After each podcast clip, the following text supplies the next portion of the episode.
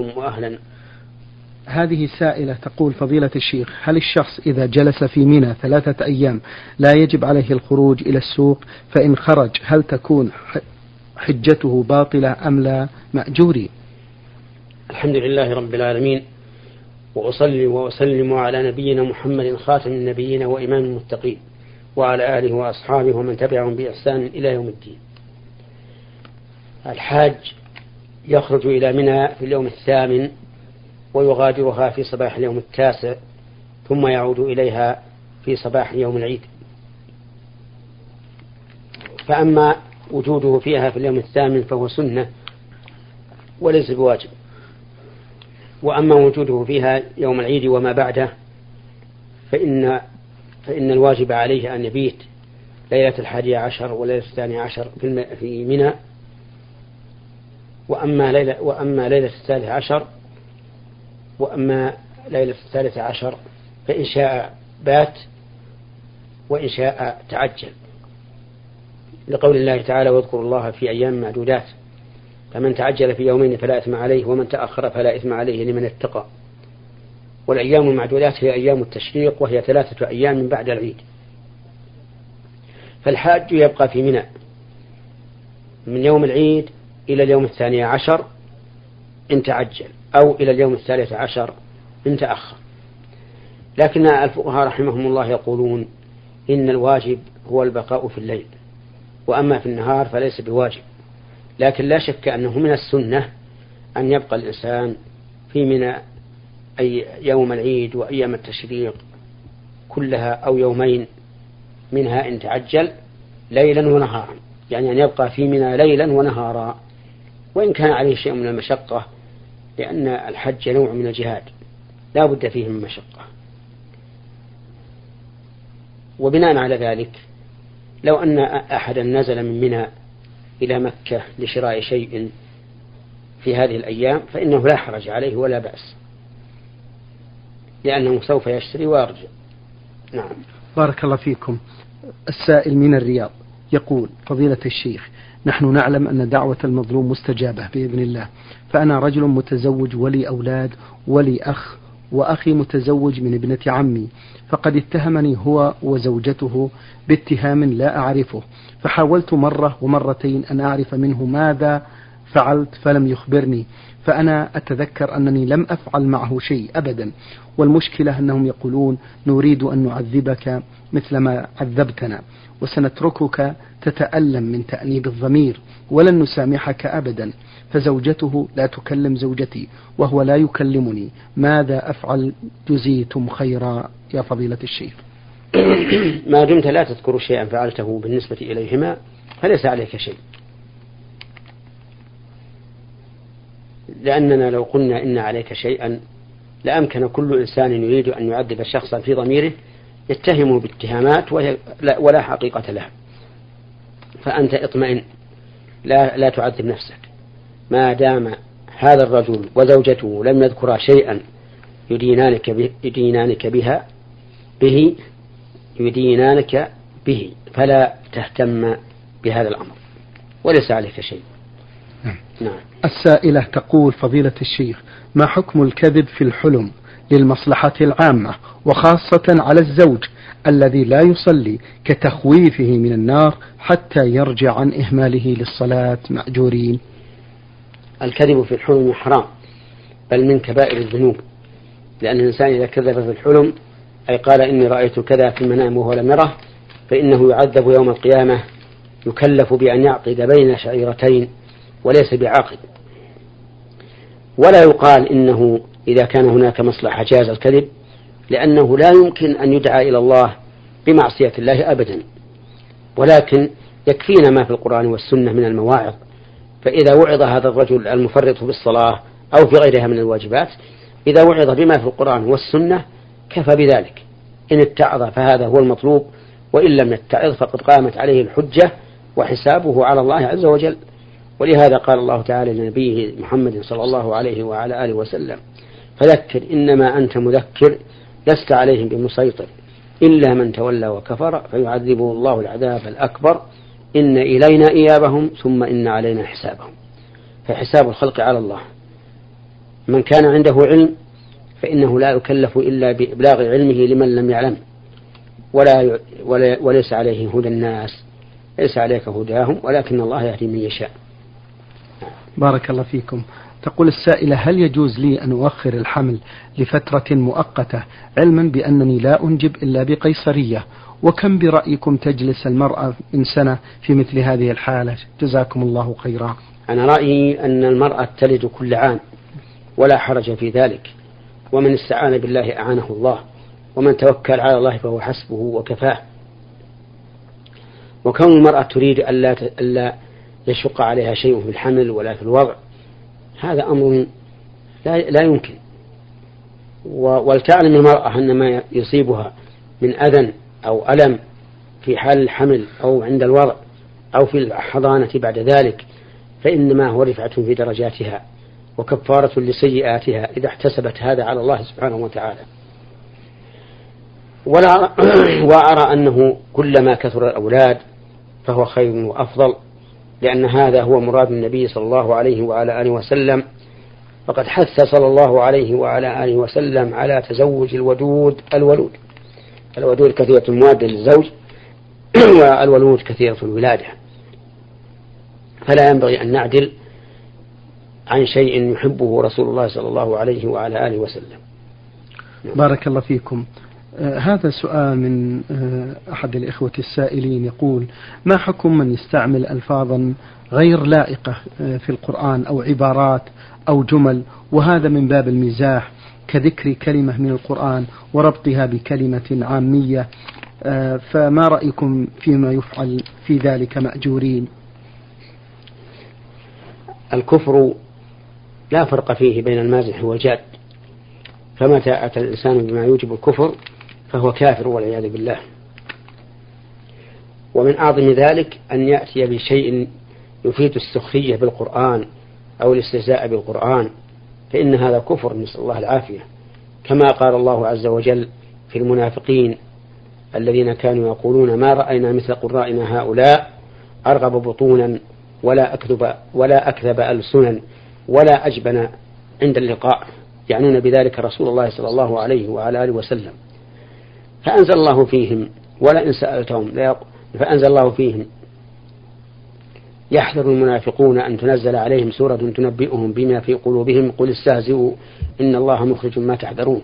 ولئن سألتهم ليقولن إنما كنا نخوض ونلعب. قل أب الله وآياته ورسوله كنتم تستهزئون.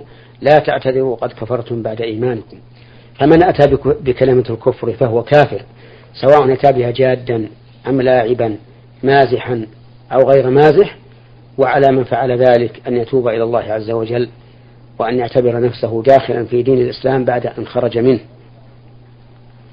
ويجب على المؤمن أن يعظم كلام الله عز وجل وأن يعظم كلام رسول الله صلى الله عليه وعلى آله وسلم كما عليه أن يعظم الله سبحانه وتعالى وأن يعظم رسول الله صلى الله عليه وعلى آله وسلم بما يليق به ولا يكون غلوا فيه.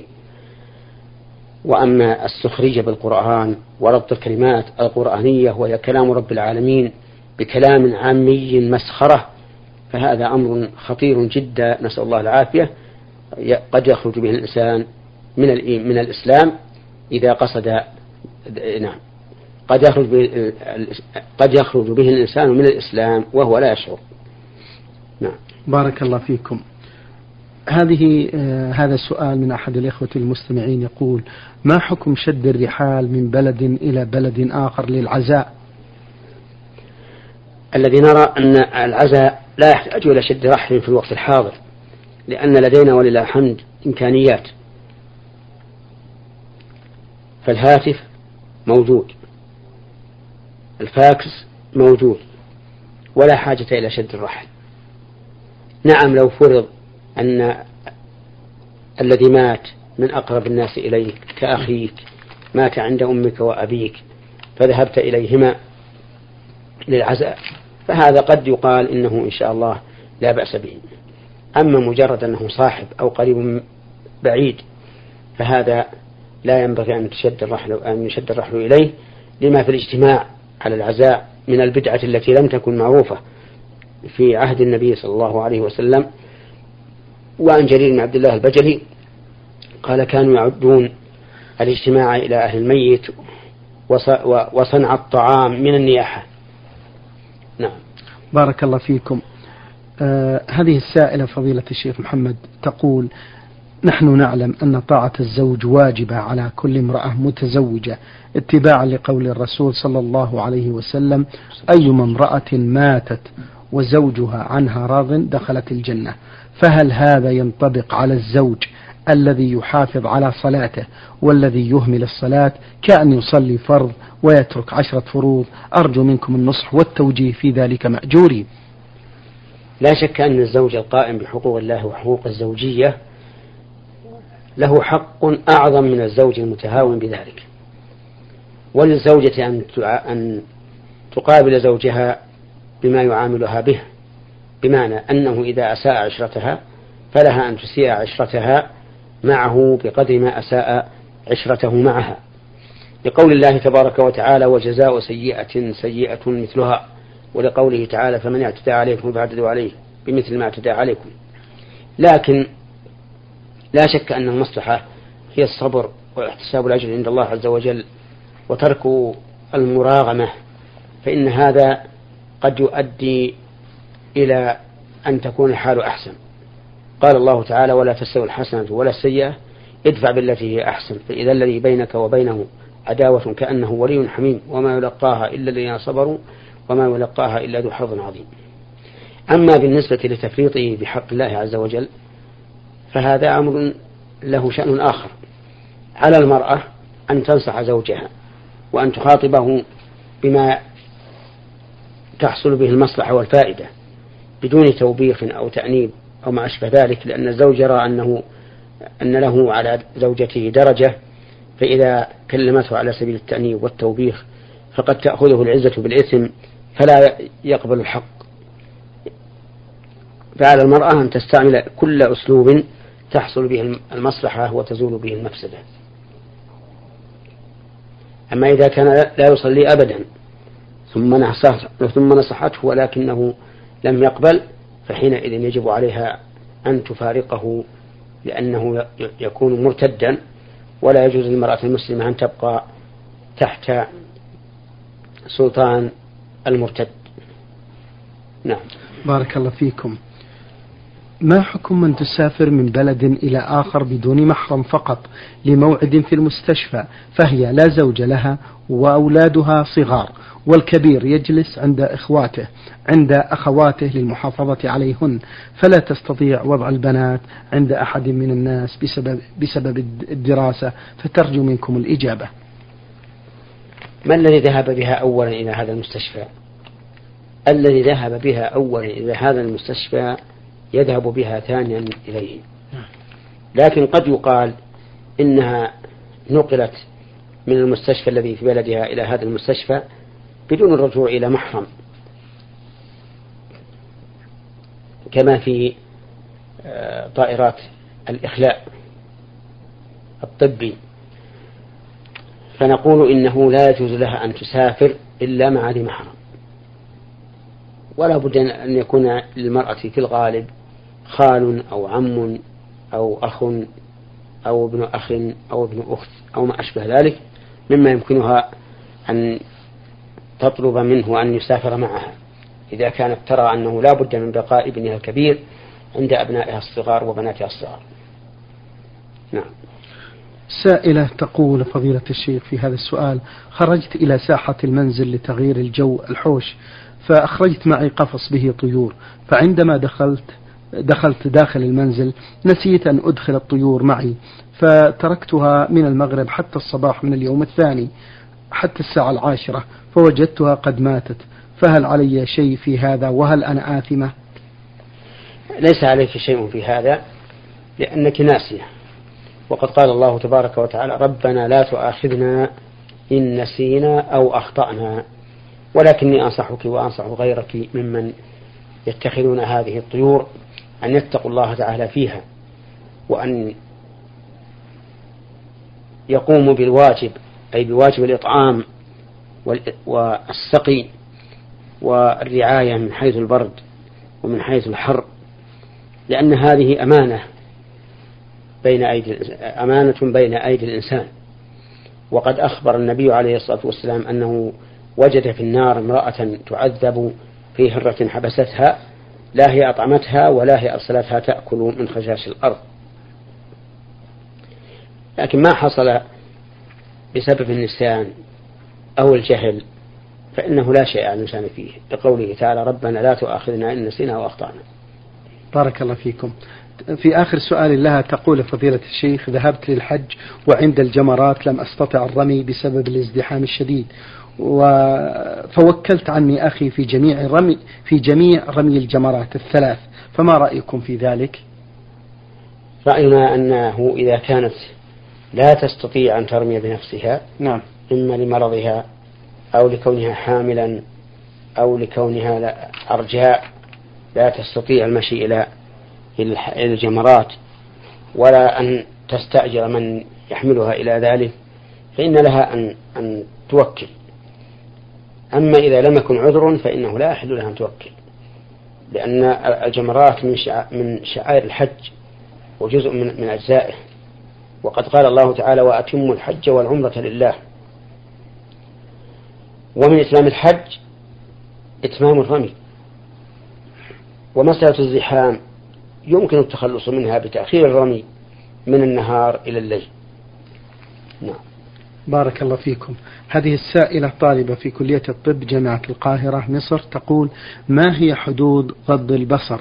وهل علي أن أنظر إلى أي رجل؟ خاصة إذا دعت الظروف أن أتعامل مع رجل.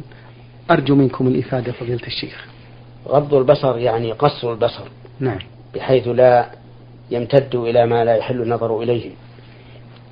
والمرأة لا حرج عليها إذا رأت الرجل لأن النساء في عهد النبي صلى الله عليه وعلى آله وسلم يخرجن إلى المسجد ويخرجن إلى الأسواق وينظرن الرجال بالطبع لأن عليهن النقاب.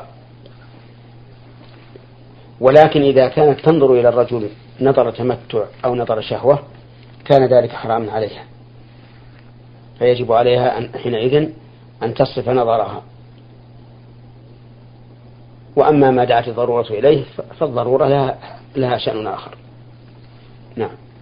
هذه سائلة من جمهورية مصر العربية تقول فضيلة الشيخ هل إذا هل إذا فاتتني صلاة الضحى صلاة صلاة الشفع والوتر والوتر هل علي قضاؤهما أم لا؟ وهل يجب القنوت في صلاة الوتر كل يوم؟ إذا فات الإنسان الوتر بأن غلبه النوم وكان قد نوى أن يوتر آخر الليل أو كان فيه مرض. نعم. فمنعه من القيام في آخر الليل. فإن النبي صلى الله عليه وعلى آله وسلم كان إذا غلبه نوم أو وجع صلى من النهار ثنتي عشرة ركعة. فيكون هذا الرجل فنقول لهذا الرجل إذا فاتك الوتر في آخر الليل فصل في الضحى الوتر واشفعه بركعة. فإذا كان فإذا كان الإنسان يوتر بثلاث صلى أربعا وإن كان يوتر بخمس صلى ستا وإن كان يوتر بسبع صلى ثمانيا وإن كان يوتر بتسع صلى عشرا كما كان النبي عليه الصلاة والسلام يفعله فيقضي في النهار ثنتي عشرة ركعة. وأما القنوت في الوتر فليس بمشروع دائما بل يوتر أحيانا ويدع أحيانا. نعم. بارك الله فيكم. هذا السائل محمد إدريس يقول فضيلة الشيخ هل يجب أن أكون على وضوء عندما أسجد سجدة الشكر؟ الصحيح أنه لا يجب أن يكون الإنسان على أن يكون الإنسان على وضوء في سجدة الشكر. وذلك لأن سجدة الشكر سببها تجدد النعم واندفاع النقم وهذه ليس لها وقت محدود يستعد له الإنسان. فإذا كان كذلك فمتى حصل ما يستلزم مشروعية سجود الشكر فليسجد على أي حال كان؟ أما سجدة التلاوة فالذي نرى أنه لا ينبغي للإنسان أن يسجد إلا على طهارة لأن سجدة التلاوة تكون باختيار الإنسان متى شاء قرأ ومتى شاء لم يقرأ. فيفرق فيما نرى بين سجود الشكر وسجود التلاوة. فسجود الشكر متى وجد سببه فليسجد سواء كان على طهارة أم لا. وسجود التلاوة لا بد أن يكون على طهارة لأن التلاوة باختيار الإنسان. فبإمكانه أن يتوضأ أولا ثم يقرأ فإذا مر بآية السجدة سجد. نعم. يقول هذا السائل فضيلة الشيخ أخبرني أحد المصلين في مسجد الحي بأنه يوجد في بلاده أن بعض المسلمين هداهم الله يوزعون الورود والرياحين وأشباه ذلك على قبور موتاهم والدعاء لهم برفع اليدين تجاه القبور. فأخبرت بأن هذا لا يجوز وأن هذا بدعة فما نصيحتكم لمثل هؤلاء؟ نصيحتنا لهؤلاء أن يتقوا الله عز وجل. وأن يكون عملهم على منهج النبي صلى الله عليه وعلى آله وسلم وأصحابه. وقد كان النبي صلى الله عليه وعلى آله وسلم إذا خرج إلى المقابر يسلم عليهم ويدعو لهم ولم يكن يحمل معه الزهور توضع على قبورهم ولم يكن عليه الصلاة والسلام يدعو لهم مستقبل القبلة رافعا يديه. بل كان يقول السلام عليكم دار قوم مؤمنين وإنا إن شاء الله بكم لاحقون يرحم الله المستقيمين منا ومنكم والمستأخرين. نسأل الله لنا ولكم العافية. اللهم لا تحرمنا أجرهم ولا تفتنا بعدهم. واغفر لنا ولهم. ثم كذلك أيضا لا يدعو هؤلاء المقبورين. فإن دعوتهم شرك أكبر والعياذ بالله. لأنهم لا يمكن أن يقدروا على إجابته أبدا. قال الله تبارك وتعالى إن تدعوهم لا يسمعوا دعاءكم ولا يسمعوا ما استجابوا لكم ويوم القيامة يكفرون بشرككم. ولا ينبئك مثل خبير. وقال تعالى إن الله يسمع من يشاء وما أنت بمسمع من في القبور. إن أنت إلا نذير. نعم. بارك الله فيكم فضيلة الشيخ. يقول من صلى في المسجد النبوي الشريف ثمانين صلاة متتابعة مع الحضور قبل الصلاة ليلحق بتكبيرة الأحرام وسوف يشفع له الرسول صلى الله عليه وسلم يوم القيامة. فهل هذا صحيح؟ هذا لا أعرف عن صحته شيئا. ولكن شفاعة الرسول عليه الصلاة والسلام لها أسباب أخرى كثيرة. منها أن من من أجاب المؤذن ثم بعد فراغه صلى على النبي صلى الله عليه وعلى آله وسلم وسأل الله له الوسيلة فإن فإنها تحل له أو تجب له شفاعة النبي صلى الله عليه وعلى آله وسلم. نعم. بارك الله فيكم. يقول يا فضيلة الشيخ محمد الدعاء عند قبور الأولياء والصالحين والطلب منهم الحاجات. هذا منتشر في بعض بلاد المسلمين وللأسف الشديد. فهل من كلمة نحو هذه البدعة وجزاكم الله خيرا؟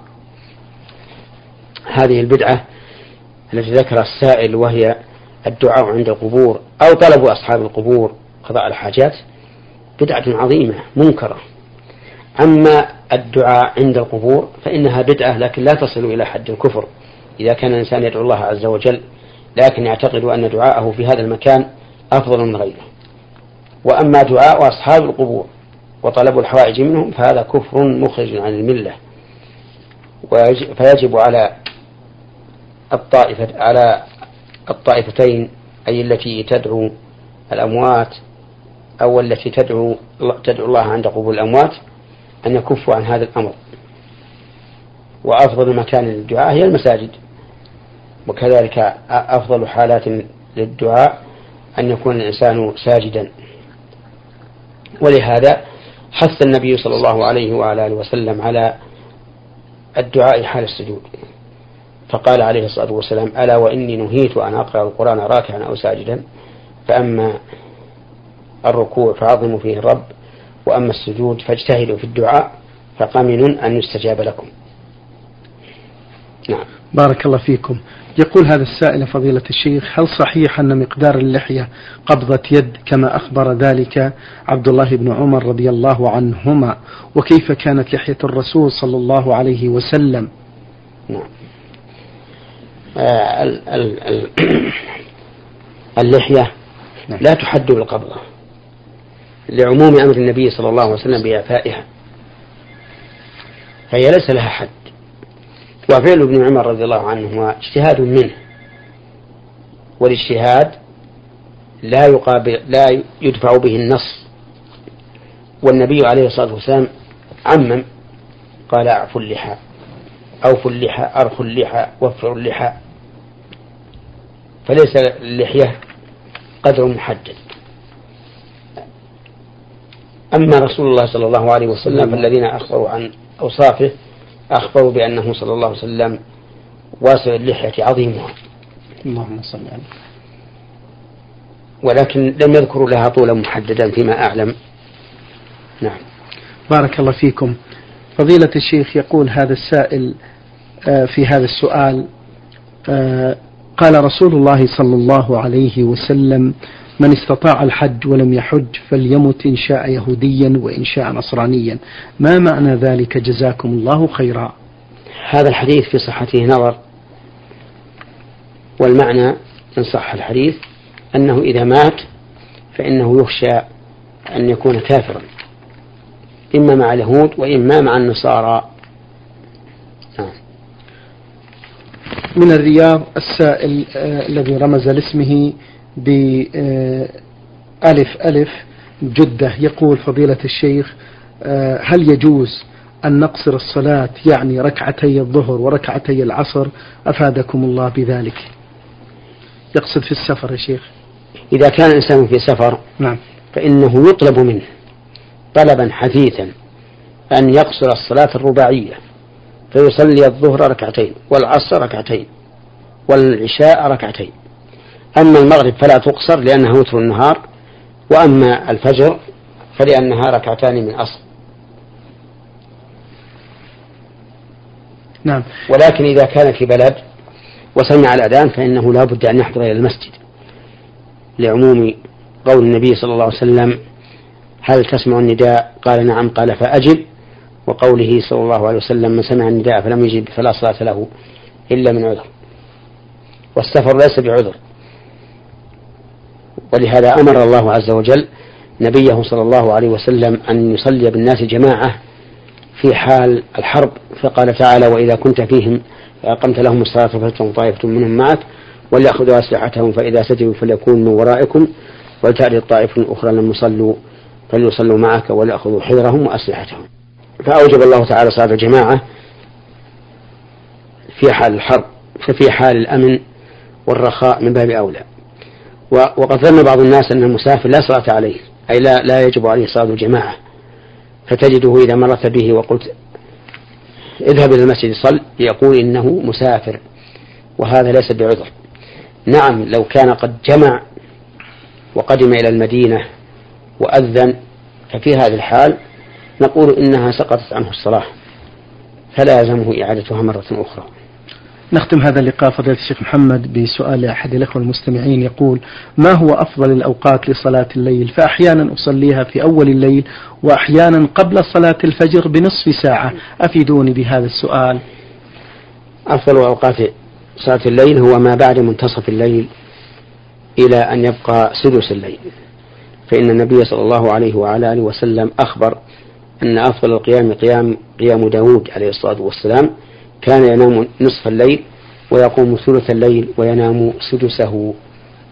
هذا هو الأفضل.